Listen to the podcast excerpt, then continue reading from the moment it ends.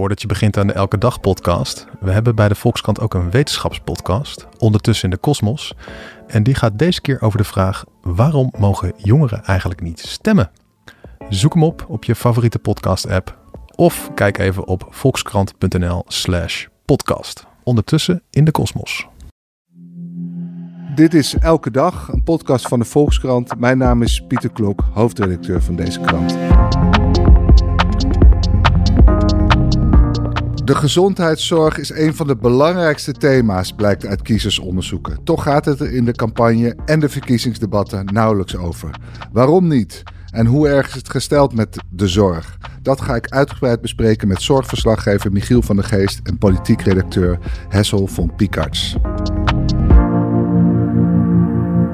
Michiel, om met jou te beginnen. Uh, we zitten eigenlijk in het seizoen dat de zorgpremies bekend worden gemaakt. Aanvankelijk leek het erop alsof die heel fors gingen stijgen. Uh, de laatste bericht is dat het eigenlijk wel meevalt.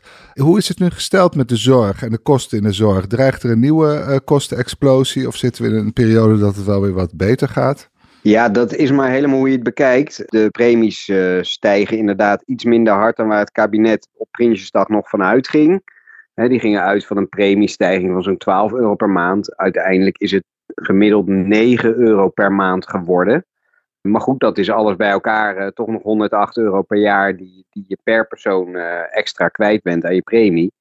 Dus ja, de, de zorgkosten stijgen en die zullen ook nog wel een tijdje blijven stijgen. Al is het maar omdat de lonen in de zorg stijgen. Dat we ouder worden, uh, dat we, hoe ouder je wordt, hoe meer zorg je gebruikt. Er komen meer ouderen. Kortom, ja, die kostenstijging gaat gaat gewoon nog een tijdje uh, door. Pas in 2040 bereiken we de piek van de vergrijzing, maar ook daarna blijft Nederland gewoon nog lange tijd een vergrijsde samenleving. En daarbij horen hoge zorgkosten. Dat kun je ook zien als, als een teken van beschaving. Hè? Dat wij blijkbaar veel geld over hebben om goed voor, voor de mensen en voor onze ouderen te zorgen. Dus dat hoeft helemaal niet problematisch te zijn. Ik denk zelfs dat de kosten niet eens het allergrootste probleem zijn in de zorg, maar dat zijn vooral de mensen die de zorg moeten gaan leveren. De cijfers zijn misschien wel bekend. Inmiddels werkt 1 op de 7, 1 op de 6 mensen in de zorg. Als dit zo doorgaat in dit tempo en de vergrijzing slaat toe. Dus er komen steeds meer ouderen die zorg nodig hebben. En tegelijkertijd zijn er steeds minder mensen om voor die ouderen te zorgen. Dan wordt dat straks 1 op de 4, 1 op de 3 mensen die in de zorg moeten gaan werken. En zegt iedereen er dan altijd bij, dat gaat natuurlijk niet, want uh, we willen ook nog politie, onderwijzers, uh, journalisten vooral. En wij hebben in het Nederlandse stelsel zijn natuurlijk de zorgverzekeraars grotendeels verantwoordelijk gemaakt om de kosten een, een beetje in de hand te houden. Uh, die gaan ook altijd in dit seizoen de alarmbel luiden. Hè? Volgens mij Wouter Bos, ja. directeur van Mensis, heeft op televisie geroepen dat het personeel nu al op is, of in ieder geval heel snel opraakt. Uh, jij hebt zelf met uh, de baas van eh, CZ gesproken, een van de snelst groeiende zorgverzekeraars. wat zien zij nou als de beste oplossing om dit enigszins in de hand te houden? Nou ja, wat zij eigenlijk altijd zeggen is, ja, het wordt tijd dat we keuzes maken. Dat dat niet alles meer kan. En, en daar zal Hessel ongetwijfeld straks ook nog iets over gaan zeggen. Uh, maar werkelijk iedereen die er in de zorg uh, toe, toe doet, die, die zegt van ja, en dat lezen wij gewoon niet terug in de verkiezingsprogramma's. Hè. De, uh, Joep de Groot gaf bij mij het voorbeeld, die, was laatst in Heerlen bij die demonstratie, want daar dreigen spoedeisende hulp over een aantal jaar bijvoorbeeld te verdwijnen. Die gaat dan naar een ander ziekenhuis. Nou, daar zijn politici dan tegen, want heel veel politici zeggen dat er mag geen enkele spoedeisende hulp meer dicht. En Joep de Groot zegt ja, dat kan op zich wel, maar wat gaan we dan niet meer doen? Willen we alle spoedeisende hulpen open of willen we ook voldoende wijkverpleging? Ja, willen we dure medicijnen of hoogspecialistische GGZ?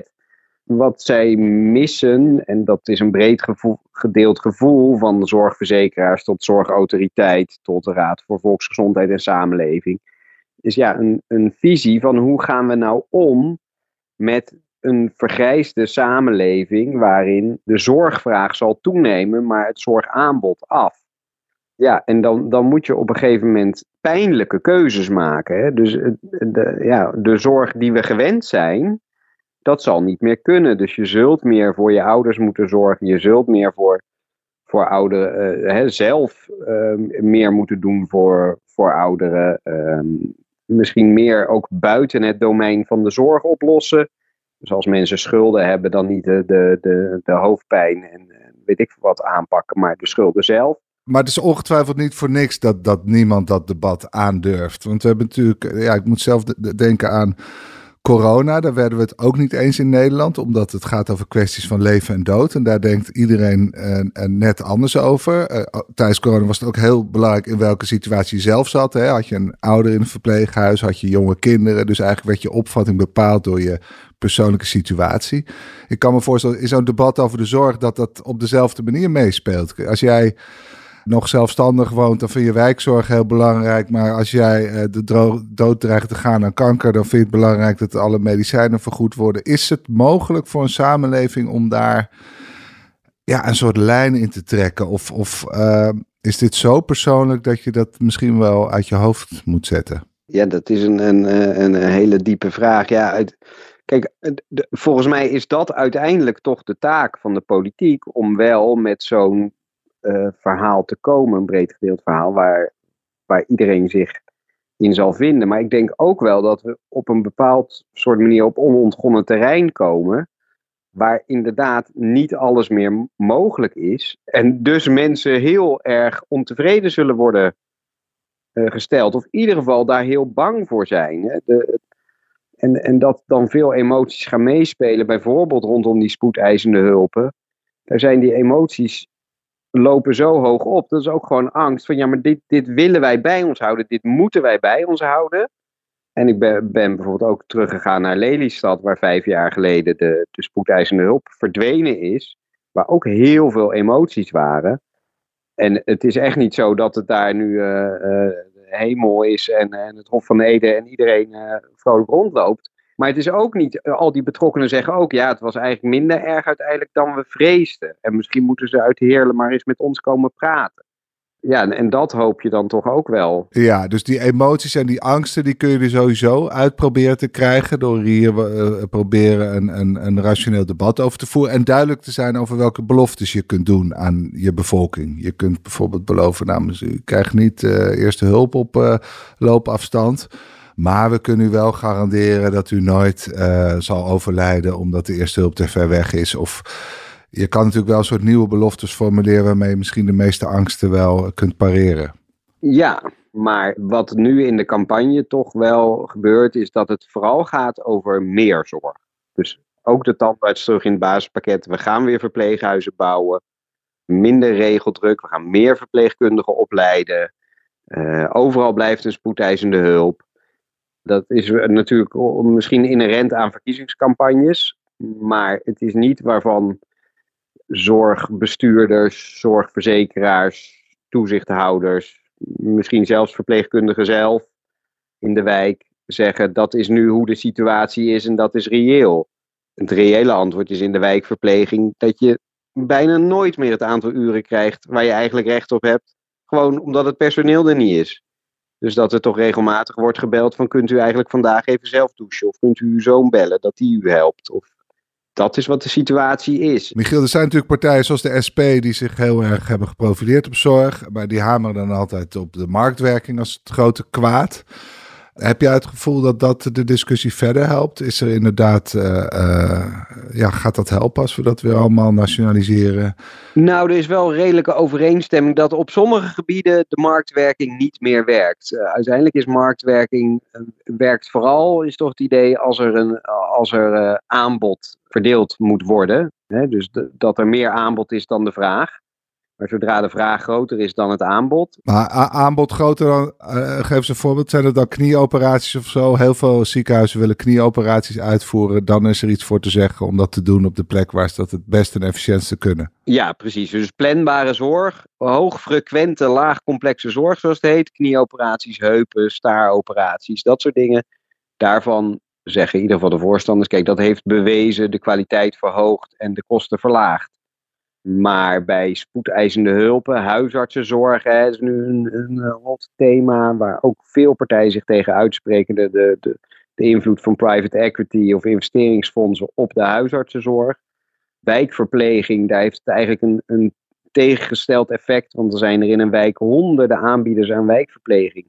Maar dat is eh, niet de juiste manier om schaarste aan wijkverpleging te verdelen. Dan, dan wil je misschien toch meer sturing van bovenaf, zodat de kwetsbaarste mensen de, als eerste wijkverpleging krijgen. Want anders krijg je de mensen die misschien de makkelijkst op te lossen vraagstukken, uh, zorgvragen, dat die vooral wijkverpleging krijgen, omdat aanbieders zich daarop richten, omdat dat makkelijkst geld verdienen is. In dat soort gebieden waar de schaarste echt toeslaat, is, is marktwerking ja, niet meer het, het ultieme verdelingsmechanisme van zorg. Ja, maar is dit de wet van Michiel van der Geest dat je bij overaanbod marktwerking goed uh, werkt en bij overvraag uh, in de zorg hè, beide het niet goed werkt? Je hebt je niet opgelet bij economie, nee. Is dit de consensus? Nou ja, volgens mij is dit toch wel de redelijke consensus. Maar dat kan toch ook een hele goede leidraad zijn bij overheidsbeleid? Dus dat je op elk terrein, of dat nou jeugdzorg is, waar je eigenlijk te weinig capaciteit hebt, dan moet je dus geen marktwerking doen. Want dan is dat het slechte verdelingsmechanisme. Terwijl als je wel uh, te veel aanbod hebt, dan kun je dat wel overwegen. Ja, maar het is ook wel zo dat sommige mensen toch over, overvallen zijn. En zeker sinds corona, hoe snel nu dat personeelstekort om zich heen slaat. Zeg maar. de, de vergrijzing is nu echt begonnen. Ja, je had het natuurlijk al decennia had je kunnen zien aankomen. Maar nu en na corona met langdurige uh, hoge uh, ziekteverzuimcijfers. Ja, nu, nu begint toch wel de paniek rondom die personeelstekorten toe te slaan. Goed, dankjewel. Dan gaan we nu naar de politiek. Uh, Hessel, nou, het beeld wat Michiel schetst is ineens een, een grote tekorten aan personeel. Ja, en eigenlijk ja. de behoefte uh, althans bij zorgverzekeraars, dat de politiek uh, zich uh, ook veel meer duidelijk maakt. Jongens, we moeten harde keuzes maken. We moeten ook dingen niet doen. Is er één politieke partij in, in Nederland die, die zegt dat we sommige zorg misschien niet meer kunnen verstrekken, verlenen? Eigenlijk niet. Eigenlijk is er geen enkele partij die echt zegt: we moeten dit soort dingen absoluut niet meer doen. De, de, de, meeste partijen, als je de partijprogramma's erop naleest, zeggen we moeten meer zorg um, vergoeden. We moeten, um, er moet meer geld naar zorg. Uh, er zijn eigenlijk geen partijen die maatregelen nemen, plannen hebben om die zorgkosten echt terug te brengen of het personeelstekort op te ja, lossen. Behalve dat je altijd partijen uh, uh, hebt die geloven in een hoger eigen risico. Zoals D66 en VVD. Ja. Als een soort, moet dan een soort prikkel zijn om minder vaak naar de dokter te gaan. Maar ja. that's it. Ja, er zijn verschillen tussen partijen inderdaad. De ene partij die is wel iets realistischer in de zin van, die vinden inderdaad, we hoeven niet, uh, we moeten de, de burger wel iets meer laten meebetalen. Uh, we, we, kunnen niet alles uh, hè, zomaar afschaffen, zoals het eigen risico, et cetera. Maar er zijn ook genoeg partijen die, die, die dan vervolgens zeggen, maar er moet wel meer zorg in, toch nog steeds in het basispakket. We willen toch die verpleeghuizen bouwen. Dus het is eigenlijk, het verhaal is vaak als het ene kant een beetje goed op beweegt om alsnog uh, die zorgkosten te beperken, dan gaat het aan de andere kant uh, toch investeren ze er weer in, waardoor ja. er uiteindelijk niet uh, netto niks afgaat. Ja, want die verpleeghuizen, waar, waar komen die ineens weer vandaan? Ja, nou, dat is natuurlijk al een hele lange discussie hè, van de afgelopen 10, 10 jaar, 12 jaar. Uh, sinds dat de verzorgingshuizen eigenlijk zijn afgeschaft. Hè, dat veel mensen zien dat ouderen ja, gewoon in de, in de knel komen. Hè. Ze, ja, ze krijgen geen wijkverpleging meer, zoals ja, Michiel net schetst. Precies, exact wat, wat Michiel net, net schetst. Of ze kunnen pas in een verpleeghuis terecht als het eigenlijk al te laat is. Hè? Als iemand al uh, dement is, uh, als het eigenlijk al nodig is, als er dus al mantelzorg moet worden gegeven. En op dat moment, uh, ja, dan, dan loopt het aan alle kanten eigenlijk spaak. Dan gaat het sowieso mis. Nou, dus er zijn, elke partij ziet dat dat een probleem is onder de mensen. Dat mensen dat ook echt een probleem vinden. En die willen daar dus hè, natuurlijk wat aan doen. Alleen het eerlijke verhaal is wel dat, hè, dat was bijvoorbeeld ook een waarschuwing die de Nationale Zorgautoriteit deze zomer uh, uitsprak. Je moet de mensen wel vertellen dat de kosten hoger gaan worden en dat je uiteindelijk door personeelstekort en door stijgende kosten voor meer geld minder zorg kunt krijgen. En mm. hè, dat geldt vooral ook voor die ouderenzorg. Maar welke oplossing hebben ze voor het personeelstekort, wat nu ineens heel hard toeslaat? Ja, nee, dat, dat is eigenlijk misschien nog wel het, moeilijkste. Hè? Want Michiel die zei al van, ja kijk, je kunt, je kunt best besluiten om meer geld uit te geven. Als je dat echt, echt wil, hè, dan kun je ergens anders op inleveren. Of je kunt zeggen, we gaan de mensen toch iets meer belasten daarmee. En hè, we zijn een welvarend land, dus we kunnen daar geld aan uitgeven. Uh, maar het personeelstekort los je daar inderdaad niet mee op. Dus partijen die proberen daar wel wat aan te doen in hun programma's. Hè. De, de ene partij die zegt uh, we moeten de bureaucratie meer weghalen, de regeldruk weghalen. Andere partijen zeggen je moet vooral gewoon meer salaris geven. Je moet aantrekkelijker maken om in die zorg te werken. En, en, er zijn ook partijen die zeggen, zoals D66 volgens mij, van we moeten zorgpersoneel uit het buitenland halen. Maar al die oplossingen, daarvan is allereerst de vraag of het voldoende is. Hè. Want eigenlijk als je zegt we willen meer zorg, dan komt het hoe dan ook op een gegeven moment in, in de knel. Je kunt het met de demografische verhoudingen in Nederland eigenlijk niet meer aan om op een gegeven moment voldoende. Heb je niet, niet voldoende mensen in de zorg over, nou ja, laten we zeggen, 20 jaar die daarin kunnen werken. Mm dus het loopt sowieso daar eigenlijk spaak. Ook al geven ze meer salaris. En, en tot nu toe willen we ook keer op keer, hè, willen politiek al, al jaren eigenlijk van die regeldruk af. En het lukt maar niet. Omdat er toch hè, vanuit de politiek juist weer uh, regels worden opgelegd vaak. Eh, de, de, de, werkelijkheid is weer barstig daarin eigenlijk. Maar Michiel, hoe zit het nou met die regels? Kunnen we daar, want er zijn vrij veel tijd kwijt in administratie, de gemiddelde zorgverlener. Is dat makkelijk om daar vanaf te komen? Nee. Oh, nee. ook al niet. Nee, nou ja, ik weet nog goed dat ik op een gegeven moment zat ik uh, op de werkkamer bij de ministers uh, De Jonge, Bruins en uh, staatssecretaris Blokhuis. Die, dat is in het vorige kabinet dus. die met z'n drieën plechtig beloofde dat nu echt, maar nu echt, echt, echt, zeg maar, het mes ging in, in de regels.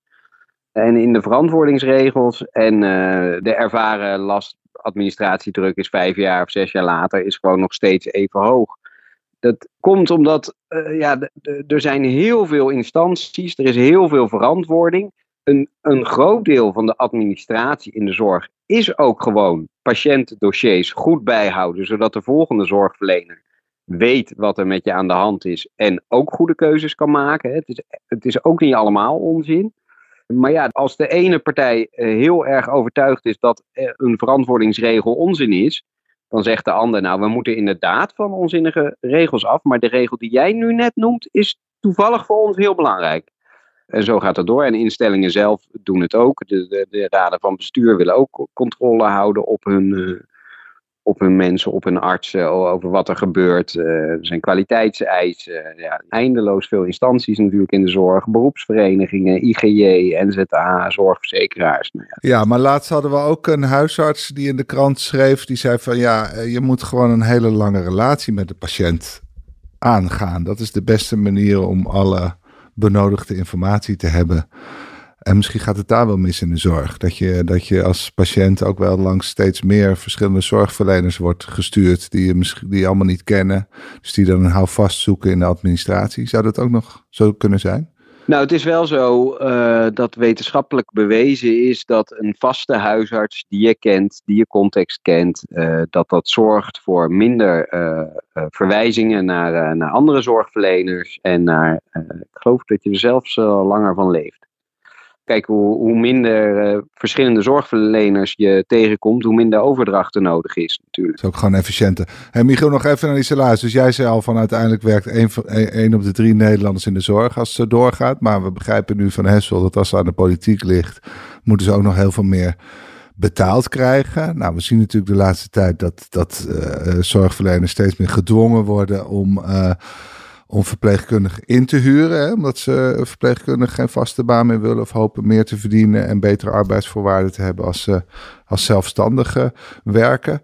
Uh, hoe, hoe sterk is die trend eigenlijk? Ja, die gaat nog steeds door. Ik, ik zag een berichtje dat er geloof ik dit jaar weer 20.000 ZZP'ers in de zorg bij zijn gekomen. Uh, nou werken er 1,2 miljoen mensen in de zorg. Dus zo per procentueel gezien zou je nog kunnen zeggen dat het ook wel weer meevalt.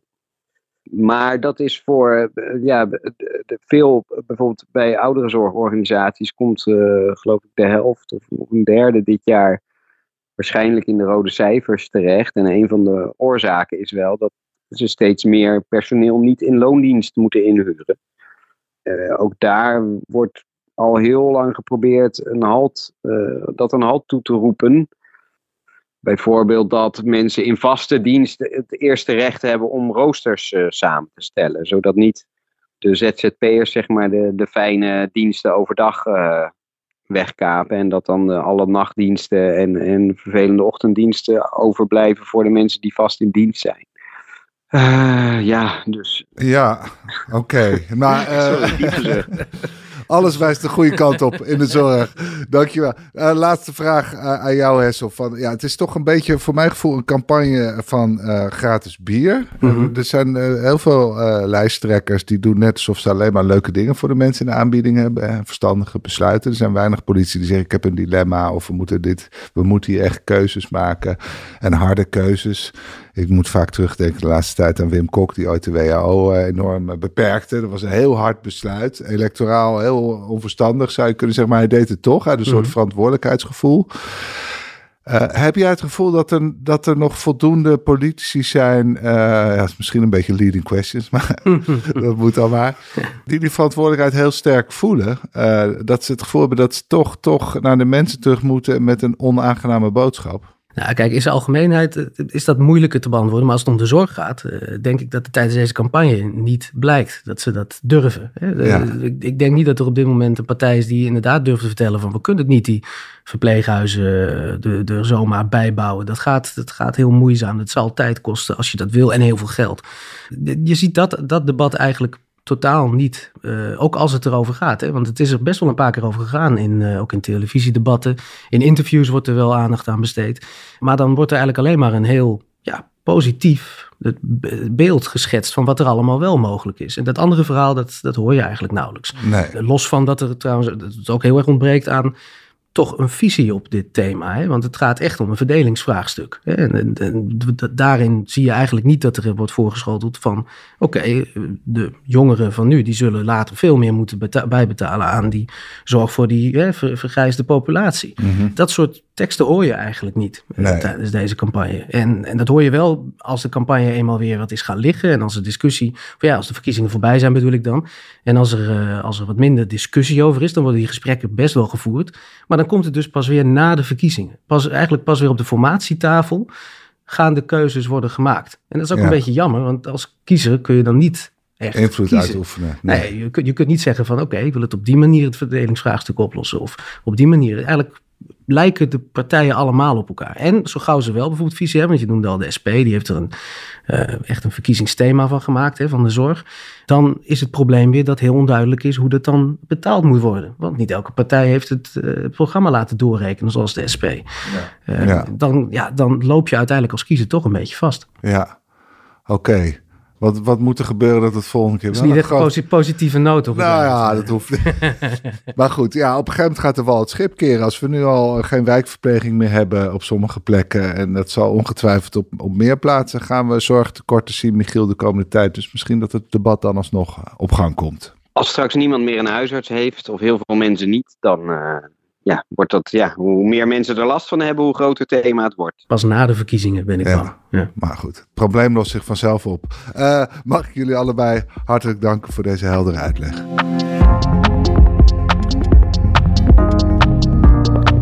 En u luisteraar, dank voor het luisteren naar de Volkskrant Elke Dag. Deze aflevering werd gemaakt door Lotte Grimbergen, Julia van Alem en Rinky Bartels. Wilt u de Volkskrant steunen? Dat kan, vooral door een abonnement te nemen. En dat kan u voordelig via volkskrant.nl slash podcastactie. Want deze podcast is gratis, maar onze journalistiek is dat niet. Morgen zijn we er weer. Tot dan.